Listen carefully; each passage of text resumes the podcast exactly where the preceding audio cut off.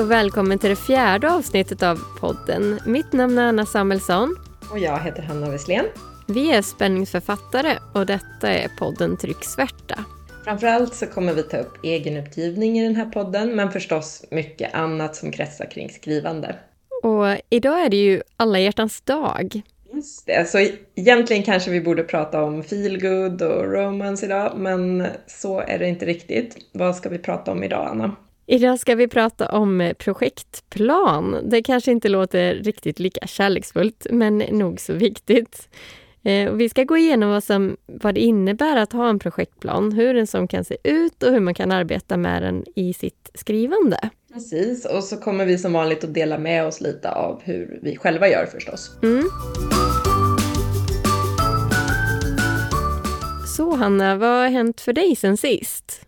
Ja, eh, jag, har, jag har jobbat vidare på uppföljaren som fortfarande inte har något namn. Del två i Nepalsviten kan vi kalla den. Mm. Eh, det har tyvärr varit väldigt mycket annat i några veckor nu och jag har inte hunnit lägga lika mycket tid på skrivandet och, och allt runt omkring som jag, har, ja, som jag hade velat. Mm, så mycket annat i livet som behöver göras. Men eh, du har ändå lyckats skriva en del, eller hur har du löst det? Ja, jag har fått göra så när det, när det har varit som mest nu att jag, jag skalar bort allt utom det som är absolut mest prioriterat. Eh, så jag har lyckats skriva nästan varje dag, men inte riktigt i den takt som jag hade tänkt eller velat då. Mm. Däremot så har jag liksom dragit ner på allt annat runt omkring sociala medier. Jag har inte skrivit bloggartiklar som jag hade tänkt och, och sådär. Så att man måste ju prioritera och då har jag prioriterat att, att komma framåt med manuset för jag tycker, det, jag har varit med om tidigare att jag tappar kontakten med det manus jag håller på med om jag är, är borta från det för länge. Så det har jag, har jag verkligen prioriterat. Och det, det är ju inget konstigt, det, det är ju så ibland att, att det inte blir exakt som man har tänkt sig. Men jag blir, jag blir alltid lite irriterad när jag inte hinner med det jag hade tänkt. Ja, förstår det. Det som är roligt nu är ju att Sprickan i fasaden har släppts som ljudbok och det finns eh, lyssnare som har börjat hitta den och sådär, så det är jättekul. Ja, men fantastiskt kul att den är ute nu. Känns du nervös? För det är ju ändå ett nytt format och nytt omslag och ljudbok är trots allt väldigt stort i Sverige. Ja, ja men både ja och nej. Eh, jag har nog inte tänkt att jag ska gå in och kolla så jättemycket på streamingsajterna på eventuella kommentarer och sådär. Så att eh, jag får se om jag kan låta bli sen. Men jag har försökt att eh, liksom inte tänka jättemycket på det faktiskt. Nej, man är ju samtidigt nyfiken på kommentaren också kan jag tänka mig. Ja, absolut. Så är det ju. Och jag tar ju gärna till mig konstruktiv feedback så att det, det vill man ju inte missa. Men samtidigt så har jag sett lite avskräckande exempel på vad folk kan skriva för kommentarer på de där sajterna ibland. Så att, mm. ja, lite kluven inför det. Ja, förstår förstår. Men, men du då, vad har hänt hos dig sen sist? Jag, jo, jag har varit gästbloggare på debutantbloggen. Ja. Så sen i förrgår kan man läsa det inlägget. Ja, jag såg det, så himla kul. Vill du berätta lite för de lyssnare som inte har läst den? Ja, men det kan jag göra. Jag satte titeln Det perfekta brottet, för det har blivit mer och mer tydligt för mig själv att det är det som verkligen lockar mig att skriva om och som jag också skrev om i Statisterna. Men just det. Som debutromanen. Ja, ja men verkligen hur man, hur man smartast kan göra brott. Ja, det är så fascinerande. Det är hemskt på samma gång förstås, för jag tilltalas ju inte av den här stölden i det fallet, hur det påverkar andra människor negativt och så vidare. Nej. Men eh, just den här perfektionen och tanken och framförallt planeringen bakom det är verkligen kul att skriva om. Ja, det var ju väldigt spännande läsning också tycker jag. Ja, men vad roligt. Jag, jag kommer ju spinna vidare på det här med det perfekta brottet även i kommande böcker i trilogin. Ja, det ska bli jättekul att, att läsa dem sen. Jag, jag undrar ju hur det går för Steffo och Lukas och, och de andra. Mm, det är alltid roligt att återvända till karaktärer. Ja, det är väl därför, det är väl därför serier och, och eh, trilogier är så populära skulle jag tro. Ja, förmodligen. Mm. I förra avsnittet pratade vi om bokomslag omslagets betydelse. Ska vi ta en snabb tillbakablick? Ja, det gör vi. Vi diskuterade varför bokomslag är så viktigt och det är ju det första läsarna ser och allt ifrån färgskala till kontraster, typsnitt och text på omslaget kan ju avgöra om man köper boken eller inte eller ens vänder på den och läser baksidestexten. Verkligen. Och dessutom intervjuar ju du Anders Nyman som skrivit böcker om egenutgivning och bokomslag och han berättar ju väldigt mycket om detta. Det var kul att höra tyckte jag. Ja men precis, det var väldigt intressant att prata med honom och vi tittade ju också på andra omslag som eh, vi tycker om och vi pratade om vad som var vad, vad vi tilltalades av kring dem. Så lyssna gärna på det om ni missade förra avsnittet. Och idag ska vi prata om projektplan. Eller hur? Just det. Vi ska prata om varför man gör en projektplan tänkte vi och hur viktigt det är. Särskilt om du ska ge ut en bok själv eftersom det då inte bara är själva skrivandet som ska planeras utan även utgivningen. Och vi kommer också in då, tänker vi, på vilka pro program man kan arbeta i, vad ska en sån här plan innehålla och hur får man, hur får man en struktur? Mm, många frågor. Om vi börjar med programvaran. Egentligen funkar det ju att göra en plan i de flesta program. Du kan till och med ha den på anteckningar i mobilen. Ja, faktiskt. Men personligen tycker jag att det är lättare att ha allt i någon slags tabell, vilket förstås går att ha i både Word och Excel och andra liknande program. Själv valde jag Excel för att det enkelt går att filtrera bort till exempel slutförda uppgifter eller sortera eller ja, men olika villkor.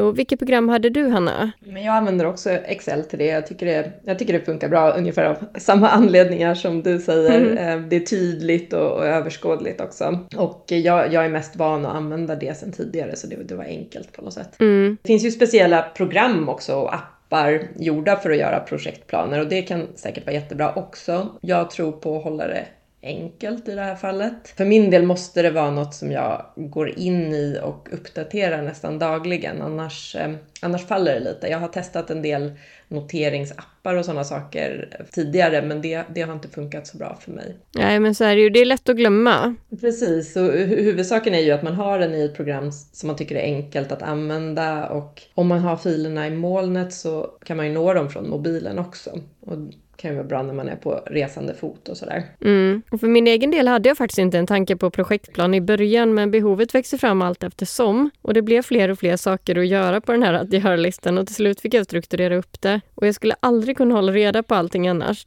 Nu när jag kollade senast så hade jag 62 uppgifter i den och det växer ju. Oj, ja. Hur tänker du kring behovet av projektplan? Hade du en sån från början? Nej, nej jag hade inte heller någon plan från början. Eh, kanske mest för att jag inte visste hur en sån skulle se ut i så fall, just när det gäller skrivande och bokutgivning. Mm. Eh, om man precis skriver sina första sidor på en bok så kanske det inte känns så nödvändigt, men i fortsättningen så kommer jag definitivt att sätta upp en plan i förväg och det, det, är så jag har jobbat nu med den här, det manuset som jag skriver på nu då. Ja. Till exempel, jag gjorde redan i, i november en övergripande projektplan för den här uppföljaren till Sprickan i fasaden och då började jag med själva skalet och jag satte upp en del viktiga milstolpar, till exempel när första utkastet ska vara klart och, och sen fyller jag på allt eftersom. Mm, kul att du har sån struktur på det och att du nu gör på ett annat sätt än i första boken. Men hur såg din plan ut för den här utgivningen som just har varit nu då, när, när du väl satte upp en plan alltså? Mm, men det kanske var ett år sedan ungefär när jag började verkligen strukturera upp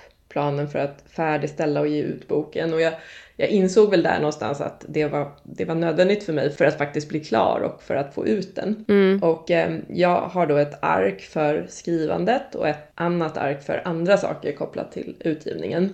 Och sen har jag ett ark där jag skriver upp liksom mer dagens och veckans uppgifter på detaljnivå så att jag kan bocka av dem. Mm, ja, men du har delat upp det i olika delar då ja? Ja, men precis. Så, så jag har flera olika delar, men, men en där jag försöker ha en mer övergripande fågelperspektivplan, om man säger. Mm, mm. Men i det arket som jag, som jag har liksom för dagens och veckans uppgifter, där lägger jag ju in alla möjliga små to-dos som dyker upp löpande och som inte fanns kanske i den ursprungliga eller liksom övergripande planen. Men bland de stora sakerna som jag har med i planen så är ju förstås eh, sånt som är viktigt att tänka på i förväg om man ska till exempel boka in andra personer eller aktörer som man är beroende av på något sätt. Just det, du skrev ner några exempel också va? Ja, några viktiga exempel som man bör ha redan från början tycker jag, det är ju beställa tid hos tryckeriet, boka tid för lektörsgenomgång och språkgranskning och omslag om man köper in sådana tjänster. Mm. Man kan liksom inte tänka att man väntar med det till slutet för det är ju inte säkert att alla har tid samma vecka vecka om man liksom kommer med en uppgift. Utan det, det bör man ju boka in i god tid tänker jag. Ja, det är viktigt att tänka på. Vill du berätta lite om din plan? Ja, det är ju bland annat det som du redan har sagt då. Men eh, om jag ska räkna upp några fler saker så är det att kontakta bokhandlare om de kan sälja boken, kontakta distributör och skriva avtal där, kontakta tidningar kanske om man får någon recension eller någon artikel Kanske skicka rec recensionsexemplar till eh, olika recensenter. Boka fotograf också. Men just det, till hemsidan och sådär. Mm, ja, men det är ofta kul att det finns där något foto på den som skrivit boken. Mm. Senare hamnar ju en av de fotona även på en av flikarna i min bok. Och du gjorde väl också så om jag minns rätt? Ja, ja men det stämmer. Jag har också ett eh, författarfoto på en av flikarna. Mm, och utöver det hade jag med att boka tryckdatum och skicka tryckfiler i god tid innan. Jag hade tre veckor innan tryck som deadline var för att skicka filerna till tryckeriet, även om det i verkligheten blev senare. Ja, just det. Men du hade väl en del saker som hör till själva företaget också? Ja, precis. För jag hade ju inte företag sedan tidigare, så Bolagsverket och Skatteverket och andra var egna rader i min projektplan. Mm. Och att ha företag kommer vi förresten att ta upp senare i ett separat avsnitt för det är ganska mycket att hålla reda på. Speciellt om man inte har haft företag sedan innan och startar det i samband med en bokutgivning. Men verkligen. Och där gäller det nog också lite som vi var inne på tidigare att det är bra att vara ute i, alltså hellre lite tidig än lite sen där så att det inte blir en stress för mm. att allt ska hinna bli klart och sådär. Mm. Generellt så handlar väl projektplanen om vem och vilka man ska kontakta och vad man själv ska göra, till exempel om man ska åtgärda korrektur från testläsare eller lektör eller så, så att man liksom boxar in det i olika tidsområden. Mm, och, och, gärna i rätt ordning också, tycker jag i alla fall har varit hjälpsamt. Eller om man lägger in datum för deadlines. Hur, hur gjorde du för att hålla reda på vilka uppgifter som är gjorda? Det är ganska enkelt tycker jag. Jag grönmarkerar källorna och skriver datum när de är klara och om något är påbörjat men inte färdigställt så gör jag dem gula. Och Eh, ofta om man inte blir klar med något, för min del så beror det ju på att man fastnar på någonting eller det är något som måste kollas upp eller sådär. Ja, men jag har samma färgsystem. Grönt är klar, gult påbörjat, rosa inte påbörjat. Och ibland filtrerar jag bort sånt som är klart eller gråmarkerar. Ja, men precis. Ja, det är smart. En bra utgångspunkt eh, när man sätter upp planen tror jag också kan vara att sätta datum när man vill att boken ska släppas och sen får man arbeta sig bakåt i tiden, lägga in alla, alla moment som måste göras innan dess och då får man ju lite en bild av om det är realistiskt eller inte. Ja, men det är bra tips och det är inte så lätt innan man har släppt sin första bok för då vet man ju inte hur lång tid saker och ting tar, även om man har kanske en uppfattning om det så är, så är det mycket som tar längre tid än vad man tror. Det, det är väl en bra, bra tips att om man tror att det ska ta en vecka så lägger man dit två veckor eller någonting sånt. Ja, ungefär så. Och sen, sen är det klart om man precis sätter sig ner och skriver de första orden till en ny bok och man aldrig har skrivit en bok tidigare. Det kanske är svårt att göra en uppskattning då när boken ska släppas. Då kanske man måste tänka lite som försiktigare i sin plan och tänka när ska jag vara klar klar med första utkastet och så vidare. Men jag, jag, tycker ändå det kan vara bra att ha någon typ av målsättning längre bort. För det ger liksom en indikation på också hur många ord man måste skriva varje dag till exempel för att nå fram dit. Mm, ja men verkligen. Jag har efter att ha gått igenom hela processen en gång så har jag ju en mycket bättre bild av vilka moment som bör ingå i en plan för utgivning och även när man sätter upp planen för att skriva själva boken. För min del var jag förvånad över hur lång tid det tar att redigera. Mm, det är tidsödande. Mm, jag trodde nog att skriva första utkastet som tog mest tid, men så var det inte för mig. Visserligen tog det nästan två år att skriva första utkastet och sen tog det mindre än ett år att redigera och färdigställa boken. Men räknat i timmar som jag la på det så var det fler timmar på redigeringen tror jag. Ja, redigeringen tog ju verkligen tid och mycket mer än vad jag trodde också. Och det är så många redigeringsvändor. När man har ändrat något så ska ju det nya kollas igen och så håller man på sådär. Ja, det känns igen. Och min viktigaste insikt var nog att projektplanen verkligen behövs. För jag googlade och hittade några uppgifter som jag kunde skriva ner, men sen tillkom det ju många fler uppgifter. Ja, och nu har man väl kanske den gamla planen att utgå från, men det kommer ju vara så ändå även för andra boken, tänker jag. En plan är ju inte statisk. Nej, och vissa uppgifter följer bort från min också. Till exempel skickar ju tryckeriet pliktexemplar om man trycker i Sverige, vilket jag och du också gjorde. Så det behöver man ju inte sköta själv. Nej, just det. Och, och för att underlätta då för dig som lyssnar så har vi listat en hel del av de uppgifterna som vi själva har haft i våra projektplaner. Och du hittar det i vårt inlägg på Instagram som vi postar nu efter det här avsnittet, så följ oss gärna där. Och eh, du hade läst lite om ett tillfälle när projektplan är extra viktigt, eller hur Hanna? Ja, när man gör en crowdfunding-kampanj så kan man ju verkligen behöva en tydlig plan för alla moment för att då måste ju verkligen allt klaffa. Eh, man har ju trots allt utlovat böcker till eh, köpare då som har backat den här kampanjen. Och jag har till och med hört en podd om någon som hade en sån här crowdfunding-kampanj i åtanke men backade ur för att hon kände att det var för mycket att hålla reda på just då. Mm. Någon som däremot inte har för avsikt att hoppa av sin crowdfunding eh, i form av en Kickstarter för att det är för mycket att hålla reda på, det är veckans gäst. Och den här veckan har vi med oss författaren Albin Hagberg Medin som har bra koll på det här med crowdfunding-kampanjer. Och han har haft flera Kickstarters för olika projekt, däribland en bok och sen publicerat en bok med en utgivningstjänst. Och nu kommer han ha en, ytterligare en Kickstarter för sin kommande bok. Då välkomnar vi Albin hit till podden Trycksvärta. Vill du börja med att säga några ord om dig själv och hur det kom sig att du började skriva? Ja, det är alltid en intressant fråga. Nej, men, eh, jag kan säga att jag är 33 år, bor i Landvetter, har en hund och är biodlare. Och jag började väl skriva när jag var 7 till 8 år. Vi hade en fantastisk lärare på lågstadiet, Lisbeth, som eh, verkligen drillade oss i skapandet. Vi åkte på skrivarläger och skrev poesi och sagor och sådär. Ah. Eh, jag tror att jag tänkte redan när jag var åtta år att så här, wow, det vore väldigt kul att skriva en lång bok. Och så började jag skriva en lång bok inspirerad av Snäll vänlig jätte, den här Roald Dahl-boken. Och så min bok blev väl typ en kopia av den tror jag. Och så insåg jag det själv sida åtta in. Jag bara, jag ska nog vänta med att skriva en lång bok. Jag ska läsa lite mer först. Vad roligt. Eh, ja, men så, så dröjde det väl eh, sådär en, eh, nästan 20 år tills jag började skriva en lång bok igen. Då var jag 25. Ja, just det. då, då hade det kommit tillbaka liksom, inspirationen. Sen så, ja, gymnasiet och universitetet så kom jag bort från all den här kreativiteten och ja, det som jag mer tycker är fantastiskt roligt i livet, får man väl ändå säga. Men det var efter jag hade läst på Chalmers och ut och rest och gjort stora livsomställningar så hade jag en vaknat en natt ur en väldigt klar dröm kom det till mig att jag skulle skriva den här storyn. Och så skrev jag, jag skrev liksom ett helt manus på 100 000 ord på 45 dagar. Oj. Jag bara sa, jag ska skriva den här boken nu, jag ska inte ge mig. Så jag skrev ett kapitel om dagen oavbrutet. Hemma, hemma hos folk så satt jag och skrev liksom. Det är ju jättedåligt sen i efterhand.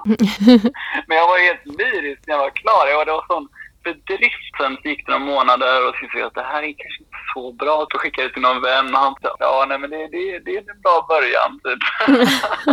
det, det var inte alls bra. Uh, nej men sen bara höll jag i och fortsatte skriva olika manus. Jag försökte skriva om den, det manuset försökte jag skriva om fem gånger tills jag bara gav upp. Mm. Sen skrev jag några barnböcker och lite um, annat. Kul. Och nu är du aktuell med en Kickstarter. Nu är jag aktuell med en Kickstarter för en helt annan bok. Då. Den började jag skriva förra året som heter Drömsamlaren. Ja, det är en äventyrsroman för unga och vuxna och gamla. Mm. Målgruppen är mina vänner och deras vänner och tydligen också deras mormor. Och, och jag har haft massa testläsare då, så vandrar de här böckerna vidare. Liksom, så jag har fått väldigt roliga recensioner som jag inte hade väntat mig. Det har varit kul. Vad roligt. Förresten, alla kanske inte vet vad en Kickstarter är. Vill du berätta lite? Det, Kickstarter är egentligen en plattform, bara en hemsida för att lansera en produkt. Just det.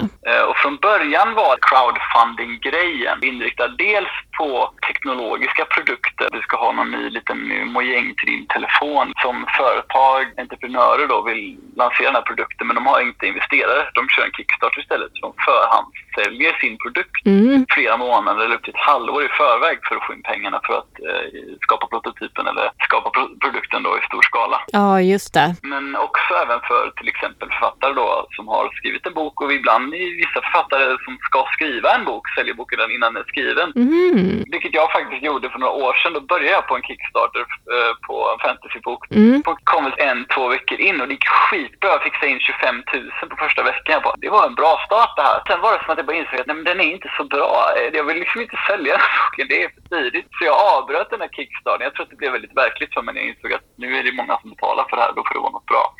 Så att jag avbröt den och då fick ju folk tillbaka sina pengar. Men det var ändå lite kul att se att jag hade den reachen redan då. Ja, du märkte att det funkar. Jag märkte att det funkade redan då. Då visste ingen att jag skrev böcker. Nej. Nu har jag skrivit jättemycket senaste åren på min Facebook, så långa krönikor. Mm. I mitt fall, jag är redan klar med min bok, så det är en förhandsbeställning av boken. Men det är ett bra sätt att fokusera hela ens nätverk, alla man känner, på en viss hemsida. Mm. skulle ju kunna lansera en egen hemsida och sälja boken därifrån. Men det är inte riktigt samma grej, för en Kickstarter har olika delmål.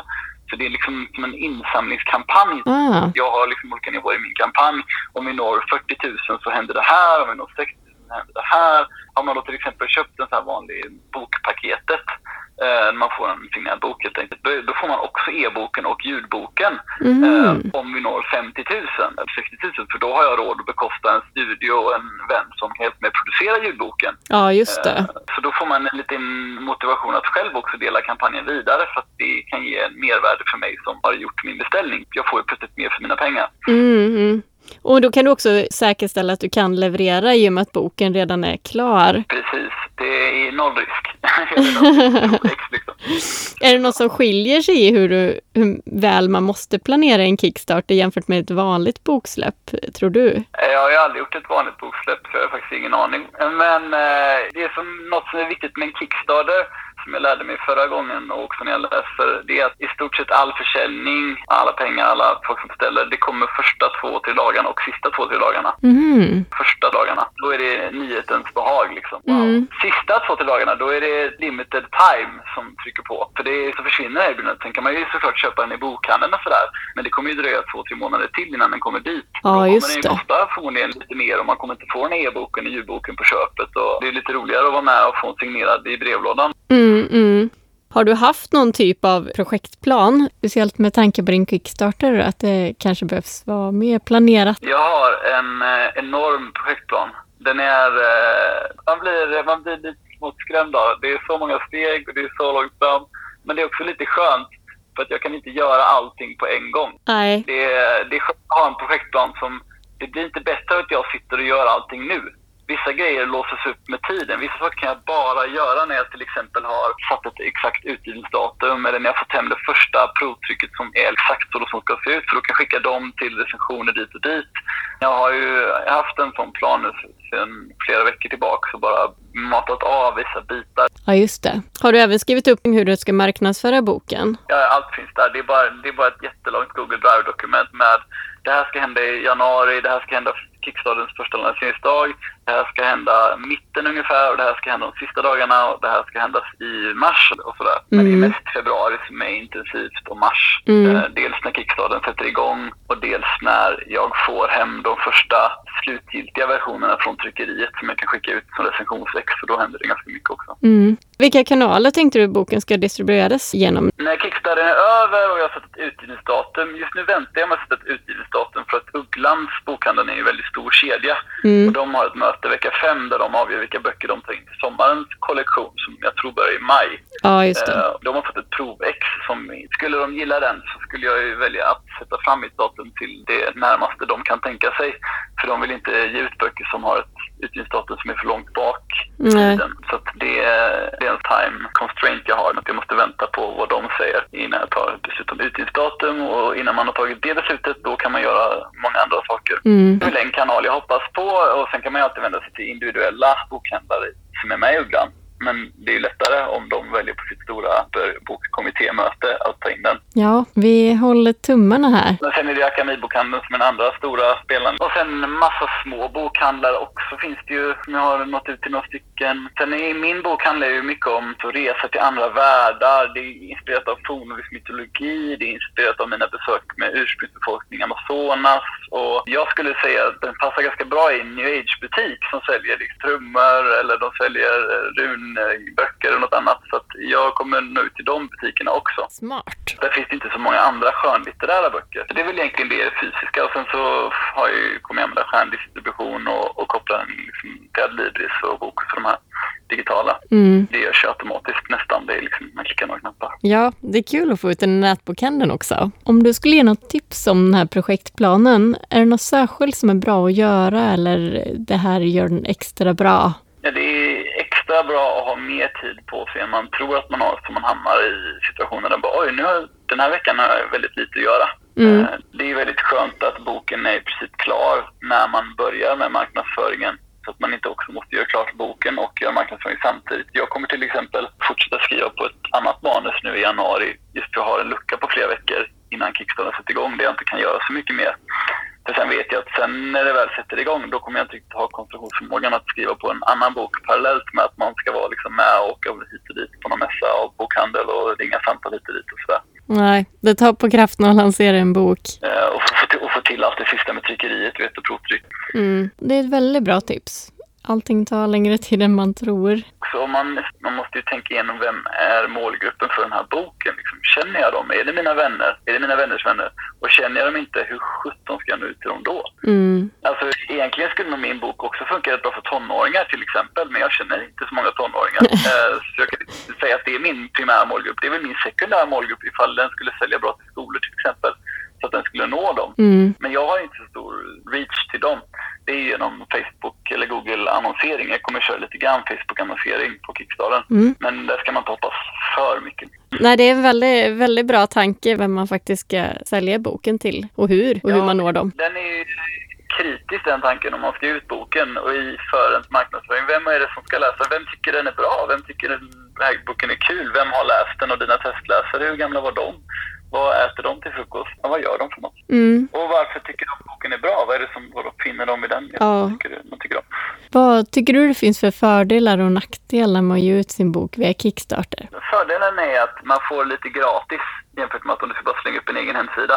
Tills Kickstarter kan själv göra här highlight. Det hände på min förra Kickstarter då. Kickstarter tyckte min Kickstarter-sida var så snygg att de promotade den och då fick jag massa försäljning ja, från folk som jag inte känner alls. Det är väldigt fördelaktigt. Det är också lite av ett brand i sig själv. Folk känner igen det. Man kanske har sett det någon gång förut. Och den får rätt bra ranking på sökmotorer ganska snabbt eftersom det är en etablerad aktör. Jämfört med om du ska slänga upp en egen sida så tar det mycket lång tid att bygga upp sökträffar där. Ja, just det. Det är väl fördelar. Ja, andra fördelar är trygghet. Det är liksom seriöst. De, har ju liksom, de gör ju en check på en som man är den man säger att man är och det är mycket mer seriöst än att bara köpa någonting online. Sen är väl folk inte soffgrejer för att lägga ut 200 spänn på någon bok på någon hemsida, men det är ändå en fördel. Eh, nackdelen är att man behöver vara ganska skärpt när det gäller att beskriva sin bok och göra en liten video, ha rätt bilder. Ja, man får vara lite råddig när det kommer till att just marknadsföra. Det sätter en extra press Och man kanske har någon slags press på sig att leverera också när man väl har sagt att det ska bli en bok. Det blir det ju verkligen. Eh, och man har ju också sagt ett datum när böckerna ska komma till brevlådan. Så att folk förväntar sig att de förhandsbeställer ju en bok som de ska få ett visst datum. Sen kan man säkert komma undan ifall det skulle skita sig med tryckeriet eller du vet, klart folk är överseende. Men, men kanske inte med tre månader liksom. Man kanske inte vill ha den i maj då. eller om man sa april. Ja, man får ju vara ganska redo. Så. Precis, man behöver en bra planering helt enkelt. Mm. Ja, men spännande. Vi håller verkligen tummarna här att det går bra med, med allting och att du får in det du behöver och kan trycka din bok och förhoppningsvis spela en ljudbok också då och e-bok. Ja, ja, men det ser jag fram emot. E-boken har jag en vän till mig som han jobbar med att konvertera bland annat e-böcker till e-böcker. Så den, är, den är nära till hands. Och jag har Smidigt. själv spelat in massa meditationer till mitt andra företag under flera års tid. Så jag är ganska van vid att spela in och, och ge röst. Jag tänker mig nog inte att jag kommer spela in ljudboksversionen av alla mina kommande böcker. Men det vore kul att göra den av den här första debuten. Eh, och det blir också mycket bättre budget än om jag ska hyra en röstskådespelare. För det är liksom den stora summan. Ja, Inspelningen och masteringen är inte den stora summan. nej. Vad roligt att höra om även dina planer med e-bok och ljudbok. Eh, tack så mycket för att du var med. Tack själv, jättekul att vara med.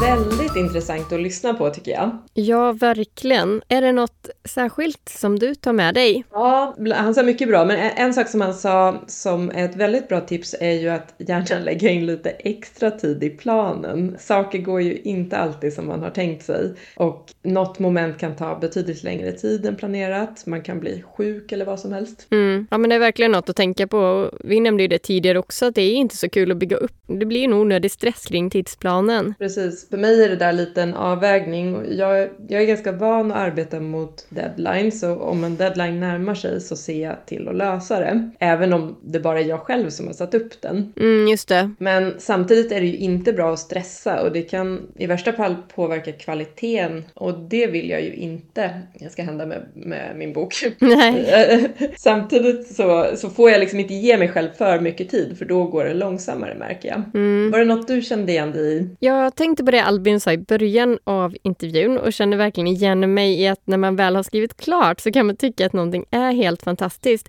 Men det har gått en liten tid och kanske ett par år och så börjar man tveka och ibland till och med inse själv att men det var nog inte så bra. Oj, ja, läskigt. Men det, det känns bekant. Jag, jag skäms nästan när jag tittar på första utkastet av till exempel Sprickan i fasaden. Nu, nu var det i och för sig länge sedan jag tittade på det, men, men ändå. Och dessutom kan det vara så ibland att man får för sig att någonting som man inte har tittat på är dåligt. Men när man väl tittar på det så är det inte säkert att det är lika dåligt som man har målat upp i huvudet. Så det, det kan vara åt båda hållen. Ja, absolut. Mitt första utkast är ju heller ingenting som jag vill ta upp till offentligheten.